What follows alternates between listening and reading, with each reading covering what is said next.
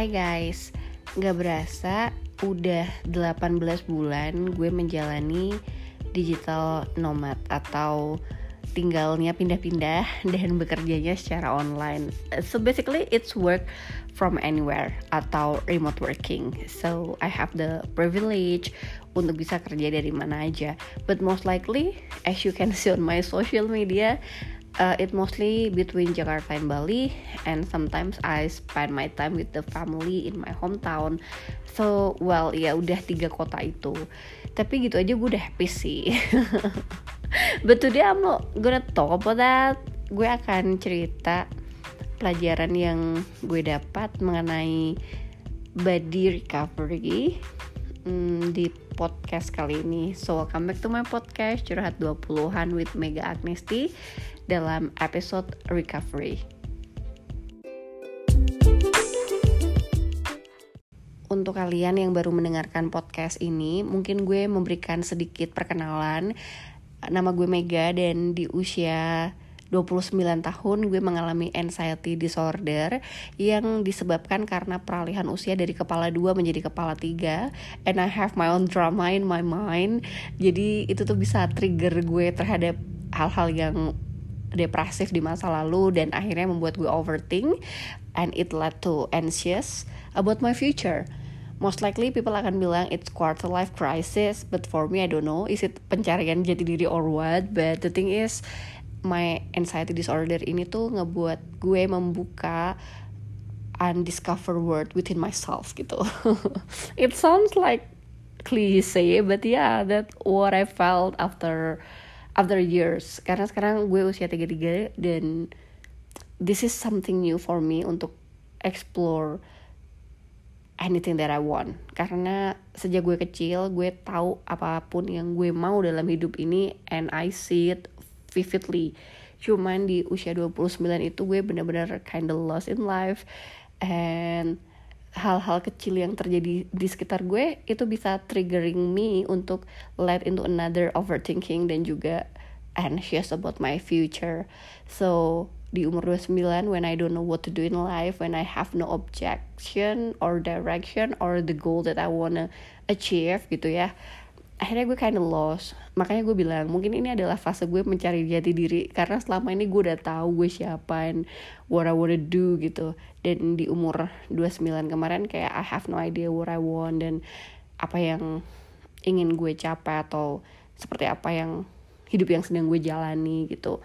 So ya yeah, hal-hal kecil kayak series Mad Men yang ada scene di mana ada pertanyaan dari aktor di film itu dia bertanya if I'm not going to work who am I? Jadi waktu itu dia dipecat terus uh, bosnya ngajak dia minum-minum sebagai farewell and then setelah dari farewell itu dia nanya balik ke bosnya if I'm not going to work who am I? Dan hal kecil itu tiba-tiba men-trigger gue triggernya tuh nggak cuman kecil aja gitu loh tapi cukup besar banget.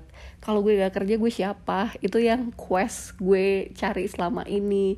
Dan after four years I guess I finally figured it out what I want in life. Actually I still don't know but yeah maybe this one thing bisa membuat atau membantu kalian para workaholic di luar sana untuk hmm, apa ya untuk melihat perspektif lain dalam hidup ini. So, this is my story. Gue sangat suka kerja. Jadi no wonder kalau di umur 20-an I spend my life di my office cubicle. Karena gue selalu ingin menjadi manajer di usia muda cuma jadi manajer aja ya gue kayak belum punya mimpi yang lebih tinggi daripada seorang manajer but well yes I wanna be a manager in my twenties terus makanya gue bekerja cukup keras dan gue tipenya eksploratif ya sehingga sebenarnya I spend a lot of time untuk figure out pekerjaan apa yang gue inginkan, industri apa yang cocok buat gue, sampai akhirnya gue bisa jadi manajer di pekerjaan dan industri yang gue suka. Nah karena gue suka kerja dan gue punya goal yang ingin gue capai, maka I skip a lot of holidays kadang gue skip holidays bukan karena gue se-workaholic itu tapi in our younger years kalian pasti kebayangkan kadang kita punya waktu tapi gak punya duit. Kadang kita punya duit tapi gak bisa cuti. Padahal energi kita banyak gitu kan. Nah itulah yang gue rasakan di usia 20-an dan ketika gue akhirnya make my way on top mencapai um, level yang gue inginkan terus dapat gaji yang akhirnya bisa ditabung dan juga digunakan liburan. Tiba-tiba hal kecil kayak kalau gue nggak kerja gue siapa sih? Ya of course it me it hits me hard. Kenapa? Karena gue selalu suka dengan pekerjaan gue dan my job define who I am. Jadi Iya, of course kalau misalnya lo udah bekerja keras for it dan somehow this title, this role itu kayak attach di dalam diri lo gitu loh. Jadi gue nggak bisa ngebayangin diri gue ketika gue nggak kerja. Gue siapa gitu loh. Terus gue juga kebayang kalau pas gue lagi cuti dan nggak ada orang kantor yang ngehubungin gue, siapa yang ngehubungin gue gitu. Um, somehow pertanyaan-pertanyaan itu terus bergulir dan gue udah kayak aduh shit shit, shit. gue langsung kayak kalut gitu loh. Gue harus nyari hal lain karena hidup gue lebih lebih besar daripada sekedar pekerjaan gue. Itu yang gue pikirkan saat itu. Sehingga dari umur 29 itu gue mulai mencari tahu apa sih yang pengen gue buat gitu kan. Gue pengen punya uh, bisnis gue sendiri, gue pengen punya hobi lain di luar kantor, gue pengen punya community lain di luar kantor, pengen punya pertemanan di luar kantor tapi ketika gue umur segini tuh untuk mencari pertemanan di luar kantor kan agak-agak susah gitu ya. Terus hobi juga kadang nggak bisa konsisten dilakukan gitu kan ya. Sampai akhirnya ketika gue uh, tahun 2020 kemarin uh, ngerasa burnout at work banget karena memang pekerjaan tuh selama covid gila-gilaan banget loadnya uh, dan akhirnya tahun 2021 gue memutuskan untuk resign. Tapi sebelum resign itu gue punya kayak 11 bucket list gitu loh apa yang ingin gue explore apa yang ingin gue lakukan ketika gue nggak bekerja. Jadi mm, berbekal dengan 11 bucket list dan juga uang yang gue kumpulin selama 3 tahun gue akhirnya memberanikan diri untuk resign and I have no job at that time. Cuman I have plan. Jadi uh, it's such a bold move for me even for me right now gue mikir kayak gila kalau gue nggak melakukan hal itu di tahun lalu. I have no idea apa yang terjadi di diri gue sekarang. So I'm glad I took that chance. Anyway jadi waktu itu gue burn out at work terus gue berbekal bucket list dan juga uang akhirnya memberanikan diri untuk resign and my adventure is started. Waktu itu um, gue pikir gue akan mengalami post power syndrome but no. Yang ada gue rasanya males banget untuk kerja gitu kan. Jadi waktu gue nggak punya pekerjaan itu gue menyibukkan diri dengan banyak hal. Mulai dari uh, main golf sampai akhirnya gue jadi komite di golf club. Terus gue juga aktif di organisasi tapi sayangnya gue masih aktifnya adalah di organisasi alumni. Gue belum mencoba eksplorasi ke komunitas ataupun organisasi lain karena waktu itu gue pengen banget masuk ke golongan muda parpol gitulah ya atau ke angkatan mudanya parpol atau yang ke yang community di parpol gitu. Karena gue berpikir gue pengen banget berkarir di politik but the thing is I I'm not sure if I want that kind of life. Karena responsibility-nya berat dan gue ngerasa belum siap so I skip that part. But anyway I do active in community. Terus selanjutnya apa ya? Oh ya yeah, I have my own business I do freelancing I uh, studied sampai akhirnya bisa dapat certified financial planning um, status. Terus gue juga try to do like you know the consulting job mulai dari consulting untuk financial dan juga consulting untuk marketing. Um, ada beberapa hal yang di bucket list gue belum terlaksana but I I know that someday I'm gonna do that gitu. Jadi I save it for later. Cuman beberapa hal hal of it hal half of my bucket list itu most likely udah gue lakukan. Um, and then at that time gue decide untuk ke Bali nggak buat healing ya.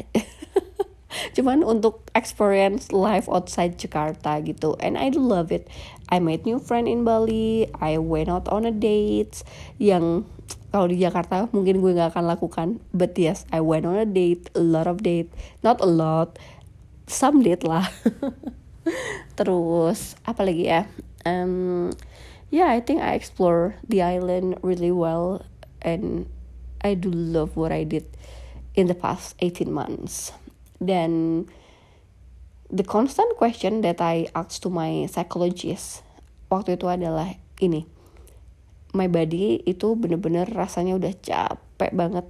Hmm, terus gue kan akhirnya ya ketika beberapa hal gue jalani dalam hidup ini akhirnya mengerucut hal apa yang sebenarnya pengen gue jalankan. Jadi waktu itu gue have my own business cuman uh, the cash flow is not really good karena ketika gue punya bisnis sendiri dan gue juga menjalankan konsultasi di bidang marketing ternyata cash flow-nya itu harus tetap baik supaya gue bisa membiayai biaya operasional gue sehari-hari kan. Nah hmm, jadi waktu gue menjadi konsultan marketing dan juga punya personal care brand yang gue buat tahun lalu ternyata cash flow-nya tuh belum nutupin. Nah kalau gue mau uh, mendapatkan cash flow yang bagus gitu ya yang income per bulannya dari jadi marketing consultant itu bagus maka gue harus ambil beberapa brand kan.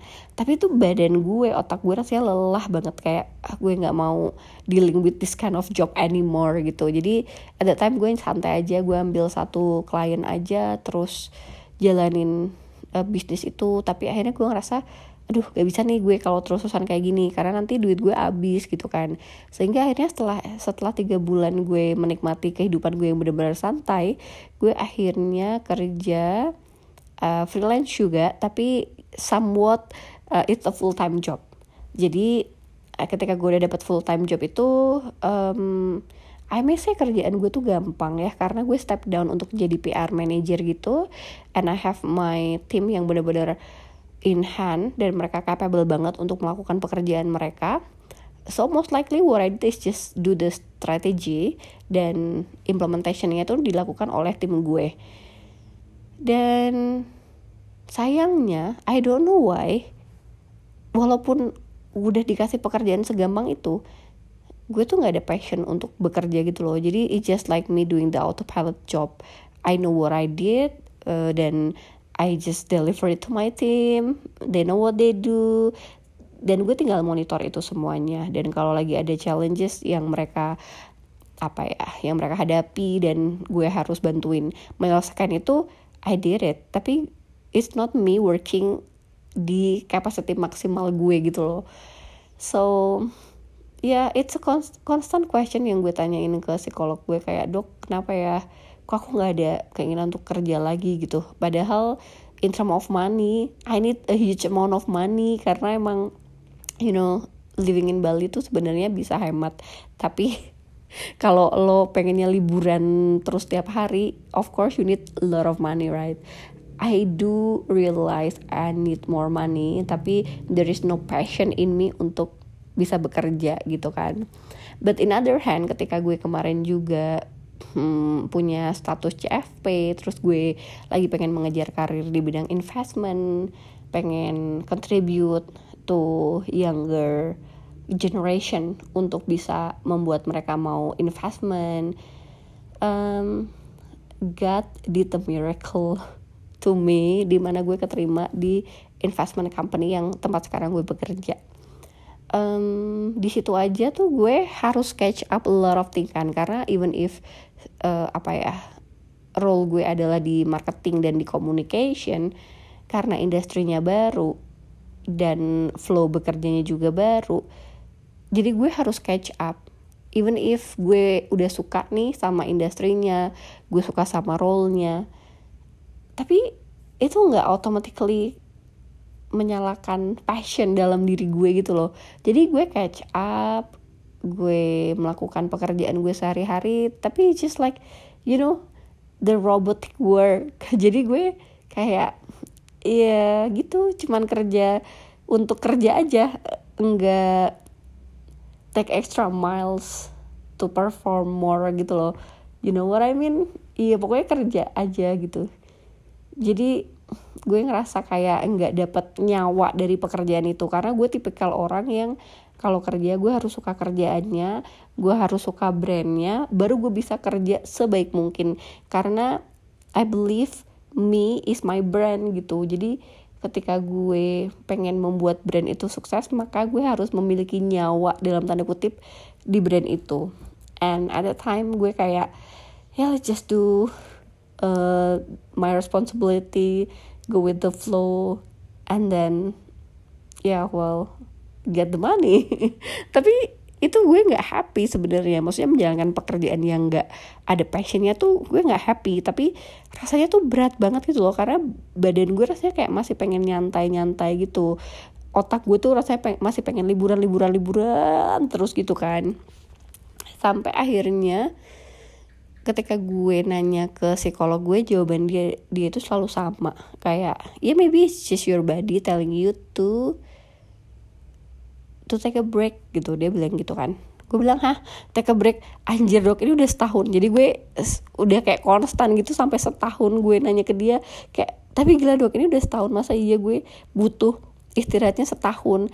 Gue tuh takut dok kalau gue udah nggak pengen kerja lagi. But I need the money you know. Terus kata dokter Yofi tuh kayak cuman ya udah diemin dulu. Nanti juga balik kok ke mode semula. Ini tuh bener-bener badan lo cuman butuh istirahat gitu kan. Jadi akhirnya ya udahlah ya. Gue kayak let it flow aja. Apa pun yang terjadi dalam sehari-hari hidup gue gue ikutin aja gue nggak berusaha menahan tapi gue juga nggak berinisiatif. You know you know it just like go with the flow. Something that I never do before. Go with the flow. Karena buat gue pasti kalian juga sering deh dengar um, only that fish that go with the flow gitu. And I don't wanna be the dead fish but somehow being a dead fish at that time is really really nice. You can just float and then you get the money. Dan lo nggak usah harus berusaha semaksimal mungkin gitu loh untuk untuk go with the flow gitu. You, you can just like still lie still ataupun stand still ataupun sitting still and then you go with the flow you can do it. Everyone can do it actually. Tapi gue sebagai orang yang high achiever gue nggak bisa disuruh kayak gitu. Somehow I want more. Somehow I want to contribute more. Tapi I have no passion in me. Sehingga akhirnya udah go with the flow gitu kan. And then just a week ago I don't know what happened. Tapi gue tiba-tiba kayak punya passion yang besar banget. I need to win this gitu kan maksudnya win apa gitu. Jadi gue um, I think for a month ya kayak kemarin itu gue lagi mikir satu gue lagi males tinggal di Bali karena cuacanya tuh hari-hari ini lagi gak enak banget. Anginnya tuh kencang banget dingin. Sementara kan gue sukanya ke pantai ya. Jadi kalau lagi angin-angin gede gitu gue di pantai badan tuh nggak enak banget gitu kan. Nah terus teman-teman gue juga udah pada balik ke Jakarta. Hmm, terus apa ya namanya um, temen yang gue kenal kan teman-teman baru nih ini di luar sahabat-sahabat gue ya. Jadi gue juga memulai pertemanan baru gitu kan. Nah gue tuh kenal mereka juga masih permukaan. Jadi like there is no deep talk about that. Terus udah gitu kan mereka bule-bule ya. Kadang tuh gue capek ngomong bahasa Inggris gitu loh guys. I don't know. I don't know. Ada poin dalam hidup gue di mana gue capek ngomong bahasa Inggris. Jadi kadang tuh kita harus fokus banget kan kalau ngomong sama orang in English harus kayak dengerin dia maksudnya dia ngomong tuh apa gitu kan. Jadi ada rasa di mana gue capek. Aduh anjir gue lagi capek banget nih ngobrol sama nih bule-bule gitu kan. Terus udah gitu hmm, apa ya like I have no reason untuk stay gitu kan karena gue gak punya rumah gue juga gak punya pasangan di Bali. Actually ada sih waktu itu kayak gue on a date dan um, well I think we are casually seeing each other at that time. Tapi uh, one or two reason akhirnya kita kayak stop seeing each other. Uh, waktu itu waktu gue masih see this person waktu gue nggak di Bali we always like talk video call and everything. And always gue bisa di Bali secepatnya untuk langsung ketemu dia gitu kan. But then ketika semua itu berakhir ya udah gue kayak nggak ngerasa ada sesuatu yang mengikat gue terhadap Bali lagi gitu kan. Dan terus udah gitu gue lagi sering banget ngeliatin IG story teman-teman gue di Jakarta and their big city life. Terus hmm, sometimes I look at myself dengan dandanan pantai yang santai banget gitu kan. And I see people di Jakarta bajunya seperti apa. I don't know just like you know unconsciously I doing that.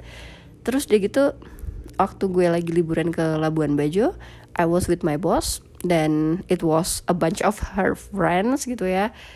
And somehow pertemanan bos gue ya tipikalnya sama gitu loh kayak dia such a hard worker tapi smart and then and they are really nice. Bukan tipe orang yang hard worker dan ambisius dan you know arrogant sometimes we met that kind of person kan but this is different kind of person yang bener-bener humble I mean humble tapi hard worker uh, karena memang mereka berasal dari daerah kan. So I can relate with them gitu loh. Ketika kita anak daerah kita ke Jakarta and then we work our ass off sampai akhirnya bisa menempati certain position. So I feel relate. Dan somehow ketika gue dikelilingi orang-orang ini gue jadi kayak comfortable gitu loh untuk back to the city karena mereka tipenya yang bekerja dan mereka menyukai pekerjaannya but they know how to have fun they know how to enjoy life. So what I have in, in mind at that moment is okay being a big city girl is not that bad gitu kan. Jadi I don't know. Setelah satu bulan ini a lot of thing happen to my life. I feel like okay, I think it's my time to go back to Jakarta karena gue juga lagi ngurus kayak gue pengen beli rumah and everything gitu kan. So I don't know, somehow ada something that push me like you need to go back to the city mega. You need to earn more money. You need to work hard. You need to dress up and everything. So you can accomplish new things in your life in term of money in term of investment in term of work in term, in term of friendship in term of relationship I don't know it's just like something yang tiba-tiba push me really hard inside and then boom gue kayak forget all my Bali plan and then I start to like you know what is it rewrite ataupun mm, pengen membuka lembaran baru lagi tentang hidup gue di Jakarta. So what happened in Jakarta like 10 or 11 years ago, it was the old me and then I have this 18 month my nomad life within like you know between Jakarta and Bali. And then I want to start my new life in Jakarta at this chapter but maybe not fully fully live in Jakarta but yeah I may say I will take Jakarta as my home base. Jadi 18 bulan itu adalah sebenarnya masa di mana gue dealing with myself dan dealing with my body to finally accept that my heart belongs to Jakarta. gue jadi percaya nih dengan apa yang disampaikan dokter Yofi bahwa ketika kemarin 18 bulan gue nggak pengen kerja artinya emang badan gue lagi butuh istirahat gitu kan. Cuman gue nggak nyangka kalau istirahatnya 18 bulan banget. Nah it's funny story ketika gue sekarang lagi ada di rumah uh, orang tua gue and then I told my mom about gimana gue 18 bulan tuh nggak pengen kerja but I need it. I need the money makanya gue tetap kerja gitu kan walaupun rasanya kerjanya kayak ya yeah, well autopilot like I didn't do my best gitu kan. And then my mom tell me bahwa sebenarnya sejak kecil gue tipenya kayak gitu. Jadi ketika gue uh, menjelang ujian sekolah gitu ya gue suka banget ke gue pasti kan obses banget ya pengen mendapatkan nilai yang bagus gitu. Jadi I work so hard I study so hard gitu kan. Tapi ketika tes itu selesai gue langsung sakit demam. Dan itu demamnya kayak bisa seminggu gitu jadi badan gue emang so fragile itu. Mungkin karena emang gue basically nggak pinter kali ya. Tapi I want to achieve more gitu kan.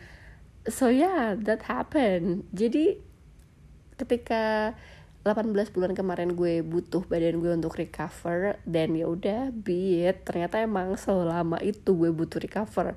Tapi ya dan again ya gue kan kerja udah 10 lah 11 bulan. Eh sorry 10 11 tahun ya dan di di antara 10-11 tahun itu gue nggak terlalu banyak ataupun sering ngambil cuti yang benar-benar buat liburan enjoy life gitu. Kayak enggak gitu kan. Most likely kita cuma punya waktu libur tuh berapa sih? Kayak 12-15 hari kan untuk annual leave.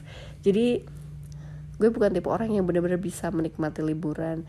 Dan 18 bulan kemarin tuh bener-bener liburan dalam tanda kutip yang sangat menyenangkan karena gue tetap bisa kerja walaupun gak optimal dan tetap mendapatkan duit dari apa yang gue kerjakan. Gue bisa kerja dari Bali mostly dan it feels like a holiday every day. Terus karena gue pengen bisa cepet-cepet nyelesain kerja kerjaan biar gue bisa sunsetan jadi gue kerjanya juga jauh lebih produktif gitu kan. So yeah I think 18 bulan di Bali mostly gue cepet banget recover badinya dan dikelilingi dengan orang yang memiliki good vibes untuk bisa kerja lagi jadi big city girl lagi. Itu membuat gue ngerasa bahwa oh ya uh, I think I'm ready gitu kan. Karena memang uh, ketika gue kemarin berpikir ya sebelum kejadian sebelum kejadian inilah ya gue berpikir only that fish that go with the flow. Ternyata gue juga salah gitu loh bahwa sebenarnya ketika you go with the flow it means you listen to your body your mind and your soul even more. Karena selama 18 bulan kemarin kemarin itu gue kan bener-bener kayak pusing males kayak mikirin hidup tuh gimana udahlah jalani aja gitu kan. Ternyata gue banyak mendengarkan apa yang badan jiwa dan otak gue inginkan gitu. Misalkan gue hari ini capek banget gue pengen tidur. And then ya ya udah gue tidur gitu loh. Gue nggak maksain diri untuk kerja kerja kerja. Terus kayak biasanya gue suka banget kerja sampai gue lupa sama teman-teman gue gitu kan. Nah kemarin itu kayak karena gue tinggal di Bali sendirian ya uh, gue nggak punya yang teman dalam tanda kutip uh, teman dari kuliah gitu nggak ada. Dan ini semuanya teman-teman baru. Gue harus make time for them kan. Make time untuk bisa connect with them gitu. Apalagi uh, terlepas dari sahabat-sahabat gue yang ada di Bali gue kayak memulai pertemanan baru dan itu sama sama orang-orang bule gitu deh. Jadi ketika gue memang memutuskan untuk punya temen then I put myself out there ya gue harus bener-bener effort gitu kan untuk untuk bisa nyambung ataupun ngobrol sama orang-orang ini. Ya ketika gue ngerasa bahwa oke okay, gue butuh temen nih yang berasal dari latar belakang atau pekerjaan yang sama ketika gue memutuskan untuk bersosialisasi I need to go big or go home gitu kan. Jadi ada gue harus bener-bener uh, all out ketika gue memutuskan untuk oke okay, hari ini gue pengen bergaul and then I put myself out there bergaul bener-bener harus bisa um, ngobrol dengan dengan teman-teman baru ini secara baik gitu loh. Dan ngobrol pakai bahasa Inggris buat gue akhir-akhir ini lagi melelahkan banget. Karena gue harus put attention on them untuk paham mereka lagi membicarakan apa untuk paham jokesnya kayak apa. Jadi I know that I'm trying gitu kan. So yeah even I go with the flow I really really listen to my body. Hari itu dia pengen apa dan ketika gue memutuskan untuk melakukan sesuatu gue benar-benar harus komit terhadap apa yang gue lakukan gitu kan. Dan tapi ketika my mind ataupun my heart pengen kayak dispoil gitu ya ya udah I I went on a date dan I don't know I just like apa ya uh, let loose gitulah. Jadi jadi gue kayak kemarin biasanya kalau gue mau ngedit tuh banyak banget yang filtering yang harus dilewati. Dia harus gini dia harus gitu dia harus segala macam. Kayak kemarin tuh ya gue bener-bener meet random people gitu. Yang pokoknya asik aja diajak ngobrol and then kalau mereka ngajak ketemu dan gue ketemu mereka. Padahal itu hal yang udah lama banget nggak gue jalanin. Even it's just a casual date gue akan selalu membangun those wall gitu kan. Dan kemarin gue kayak bener-bener ya udahlah ya nothing to lose let's just go on a date gitu kan dan somehow it's the best 18 month in my life di mana I see the fun side of me karena biasanya gue tuh anaknya sangat corporate, sangat profesional, sangat ingin terlihat bertanggung jawab gitu kan. Dan kayak 18 bulan kemarin gue bener-bener just being myself. I may say I just being myself. Jadi go with the flow is not a bad thing karena dengan lo go with the flow um, you listen to yourself even more dan dengan begitu lo malah jadi tahu gitu loh lo sebenarnya orangnya kayak apa sih? Itu yang gue pelajarin dari 18 bulan gue kemarin. Terus yang kedua ya um, apa ya? Oh I think this one.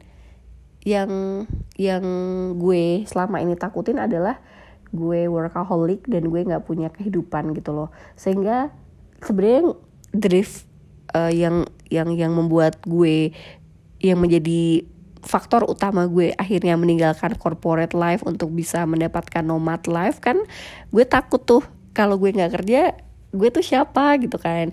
Nah gara-gara pertanyaan itu gue jadi pengen tahu kalau gue nggak kerja gue tuh siapa gitu. Hmm, gue pikir gue akan post power syndrome. Ternyata gue enjoy it. Dengan begitu gue jadi menemukan pekerjaan yang nggak apa ya nggak demanding gitu. Ya of course demanding pekerjaan tuh semuanya pasti demanding tapi finally gue menemukan pekerjaan yang uh, fleksibel dan yang bisa suit me best. Selama ini kan ketika gue melakukan corporate job most likely kan gue yang menyesuaikan dengan corporate-nya ya. Maksudnya kayak we work dari jam 5 eh sorry dari jam 9 sampai jam 6 kita kerja di office kita harus ngikutin segala aturan office gitu kan. Nah sekarang gue dipertemukan dengan kantor yang benar-benar fleksibel. Jam kerjanya lo bisa milih ada tiga gitu kan jam 8 sampai jam 5 jam 9 sampai jam 6 atau jam 10 sampai jam 7 terus lo bisa kerja dari mana aja. Uh, dan gue kebetulan bersyukur banget dapat bos yang sangat fleksibel. Yes dia menuntut result tapi dia bener-bener uh, back me up on the process you know what I mean? Jadi kayak wow akhirnya gue mendapatkan pekerjaan sesuai yang gue inginkan dengan culture company yang menarik dan atasan yang bener-bener baik gitu loh. Sehingga gue kayak ngerasa oh my god ternyata ketika kita apa ya hmm ketika kita punya quest dalam hidup ini dan kita berusaha untuk mencarinya ya of course di depan itu sangat tidak nyaman. Di depan itu akan uncomfortable. Bukan karena bukan karena apa ya bukan karena ini nggak enak tapi karena kita belum familiar aja sama hal ini. This thing is totally new for us even for our brain. So our brain pasti akan menye, men, melakukan penyesuaian dan penyesuaian inilah yang membuat dia nggak nyaman yang membuat kita nggak nyaman yang membuat kita ngerasa kayak uh, kayak agak berat deh, kayak susah deh gitu kan. Karena kita unfamiliar with the situation, but once we adjust, we're gonna figure it out, we're gonna find out ternyata wow, this is something yang bener-bener fit with myself, fit with everything that I want gitu kan. So yeah, the first one is um, apa ya? Kita jadi lebih tahu apa yang kita inginkan jadi lebih tahu apa yang badan kita butuhkan apa yang diri kita butuhkan. Dan yang kedua ketika kita just be ourselves our own self kita menemukan hal yang suit with us. Itu sih yang gue pelajari guys.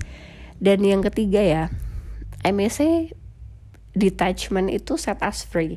Nah detachment ini mungkin gue belum menceritakan secara directly ke kalian. Maksudnya gimana? Jadi waktu gue hmm, mempelajari minimalis living at first kan si Marie Kondo ataupun penulis lain tentang minimalis living itu menyarankan kita untuk detach dari things ataupun dari rasa kepemilikan lah ya terhadap barang yang kita miliki. Jadi it's just tools to help you, to support you in this life gitu kan. Um, so my detachment terhadap money itu udah long gone dari awal tapi ternyata ketika gue detach dari money and I don't love money at all itu malah membuat gue boros. So my relationship sama money itu harus diperbaiki. And I did dan it was great gitu kan. It is great not was. It is great.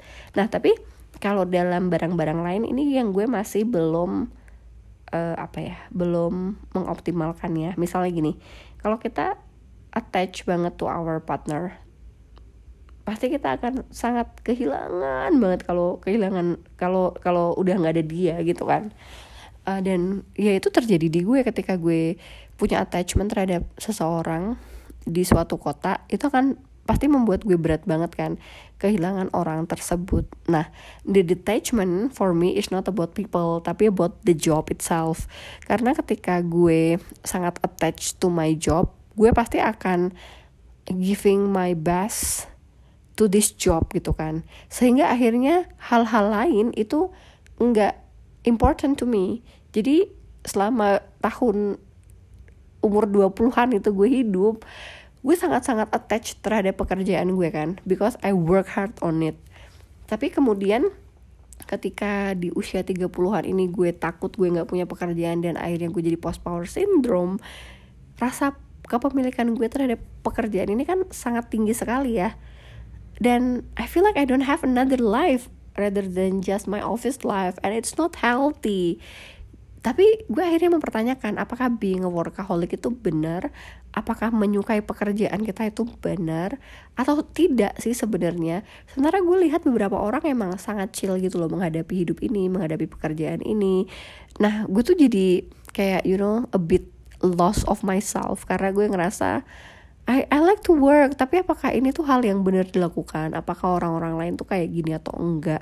Atau ini hanya lingkungan gue saja yang kayak gini gitu loh. Sehingga akhirnya kan gue jadi kemarin itu ya nggak mau kerja males-malesan kerja. Tapi ternyata gue nggak bisa menerima hal itu gitu loh. Bahwa emang kalau kerja gue harus full. Tapi kemudian gue belajar tentang detachment di mana oh gue nggak boleh nih terlalu attach terhadap pekerjaan gue gue harus menghilangkan dalam tanda kutip rasa kepemilikan gue terhadap pekerjaan ini. Gue boleh suka sama pekerjaan ini tapi gue juga harus siap ketika kapan pun pekerjaan ini diambil. Nah ketika pekerjaan ini diambil dari gue dan gue akhirnya tidak bisa mendefinisikan siapa diri gue itu kan yang salah. Makanya ketika gue membicarakan tentang detachment ini ini adalah hal yang gue pelajari selama 18 bulan terakhir juga. Bahwa ternyata orang tuh nggak sebegitunya lo terhadap pekerjaan lo gitu kan. Maksudnya apa? Maksudnya gini kadang kalau gue punya pekerjaan gue bisa overly proud terhadap pekerjaan itu gitu kan. Jadi kayak ya I am I am who I am bukan. I am is my my job gitu kan. Nah itu yang pengen gue ilangin bahwa gue suka kerja kerja membuat gue happy kerja ngebuat gue punya something to achieve atau something to run to karena gue punya goals dan pekerjaan itu membuat gue punya meaning dalam hidup ini gitu kan. But then again gue nggak boleh to attach to this job gitu loh. Ya yeah, having a job is cool. Job is just a tool for you untuk bisa survive di dunia ini to pay your bill dan untuk bisa membantu lebih banyak orang. Karena kan gue I wanna do social work gitu kan. Dan apa pun pekerjaan gue, gue pengen memiliki nilai sosial dalam pekerjaan itu. So yeah for me having a job is cool dan punya pekerjaan itu bisa memberikan gue hidup, bisa memberikan kontribusi juga terhadap orang lain. Tapi perlu diingat, kapan pun pekerjaan itu diambil dari gue, gue nggak boleh goyah karena gue tiba-tiba nggak bisa define myself without that job gitu kan. So pelan-pelan gue um, menghilangkan rasa kepemilikan terhadap pekerjaan itu gue hilangkan rasa overly proud terhadap pekerjaan itu dan just yesterday kayak my friend told me ini somehow ketika gue lempar topik pembicaraan ini ke Instagram ya entah kenapa malah cowok-cowok yang lebih interested gitu kan so one of my friends said mungkin you love your job too much because you don't have any option. You have lack of option. It happened to a relationship to lo kayak ngedate sama satu orang aja dan you feel like he's everything to you because you are lack of option. Jadi kadang ketika lo suka banget sama suatu hal bukan karena ini tuh something yang great banget. Tapi you're you're just lack of option. Lo nggak punya pilihan lain karena you don't explore it gitu kan. Which is for me it makes sense ketika gue suka sama pekerjaan. Karena emang gue nggak punya activity lain di luar sana yang bisa gue kerjakan dan menarik buat gue.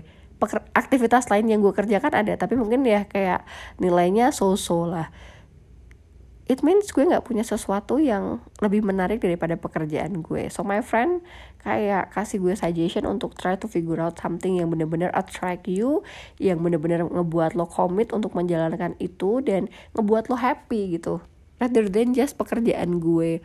Terus yang kedua emang ketika membicarakan pasangan ya uh, ya baik lagi kepada hal yang comfortable terhadap otak tadi ya. Ketika lo menemukan seseorang yang langsung membuat lo comfort lo tuh somehow rely on this person. Terus bener-bener to attach to this person. Itu yang gue alami. Seringnya gue kayak gitu. Walaupun kayak ada beberapa hal yang lo kayak ah ini sebenarnya dia bukan tipe gue nih. Tapi ya udahlah ya gue udah nyaman sama dia. And then you forgot those flow. It happened to me ketika gue ngedit sama this person di Bali he's really really a sweet guy. Really sweet really attentive to me.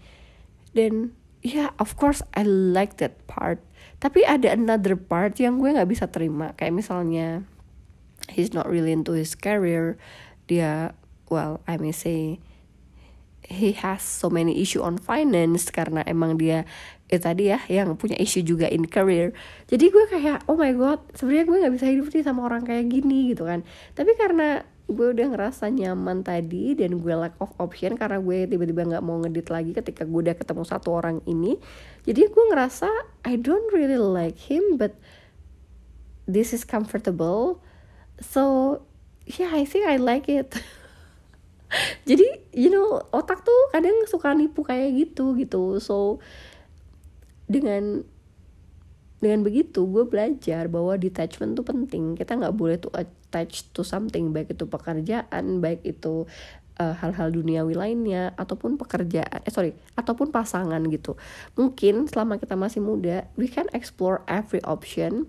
Dan ketika kita memilih settle down make sure bahwa kita settle down itu karena emang kita udah menjadi diri kita sendiri dan ternyata hal tersebut fit dengan diri kita apa adanya tanpa ber berusaha menjadi orang lain dan ternyata hal yang kita pilih itu uh, bukan menjadi hal yang kita nggak bisa hidup gitu loh. Tapi justru membuat hidup kita jauh lebih perfect. You know what I mean? I mean gini kalau misalnya kita memilih pasangan bukan karena dia melengkapi kita tapi sebenarnya kita udah lengkap kita udah utuh dan ada dia dia tuh jadi support system kita untuk jauh lebih baik aja. Tapi sebenarnya kita udah baik gitu.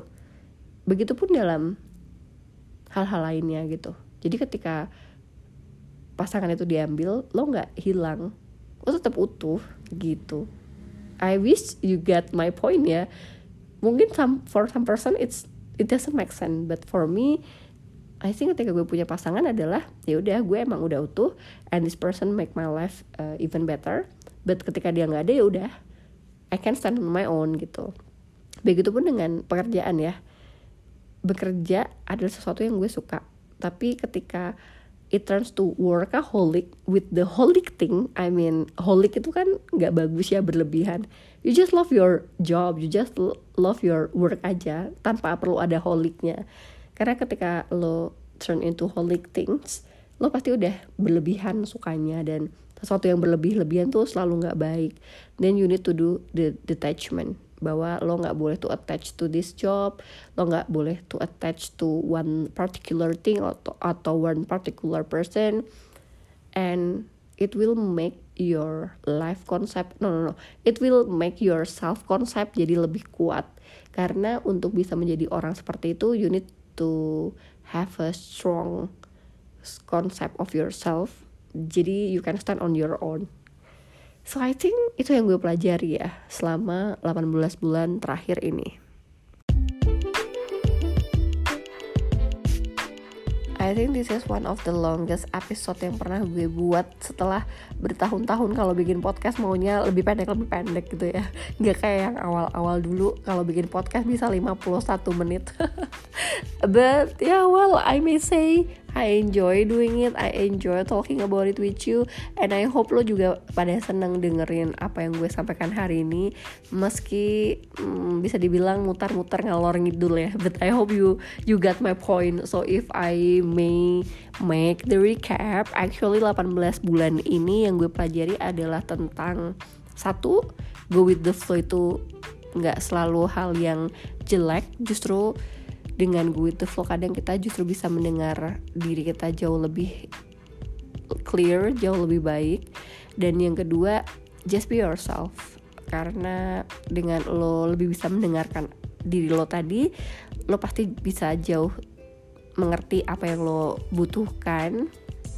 Dan itu ngebuat lo menemukan diri lo yang sebenarnya dan ketika lo udah bertemu dengan diri lo yang sebenarnya akan lebih mudah buat lo untuk menemukan hal-hal yang lebih fit into your true self. Kayak misalnya lo dapat pekerjaan yang lebih cocok sama diri lo dan kepribadian lo dan apa yang lo butuhkan. Dan lo juga lebih bisa ketemu pasangan yang bener-bener sesuai sama lo gitu kan.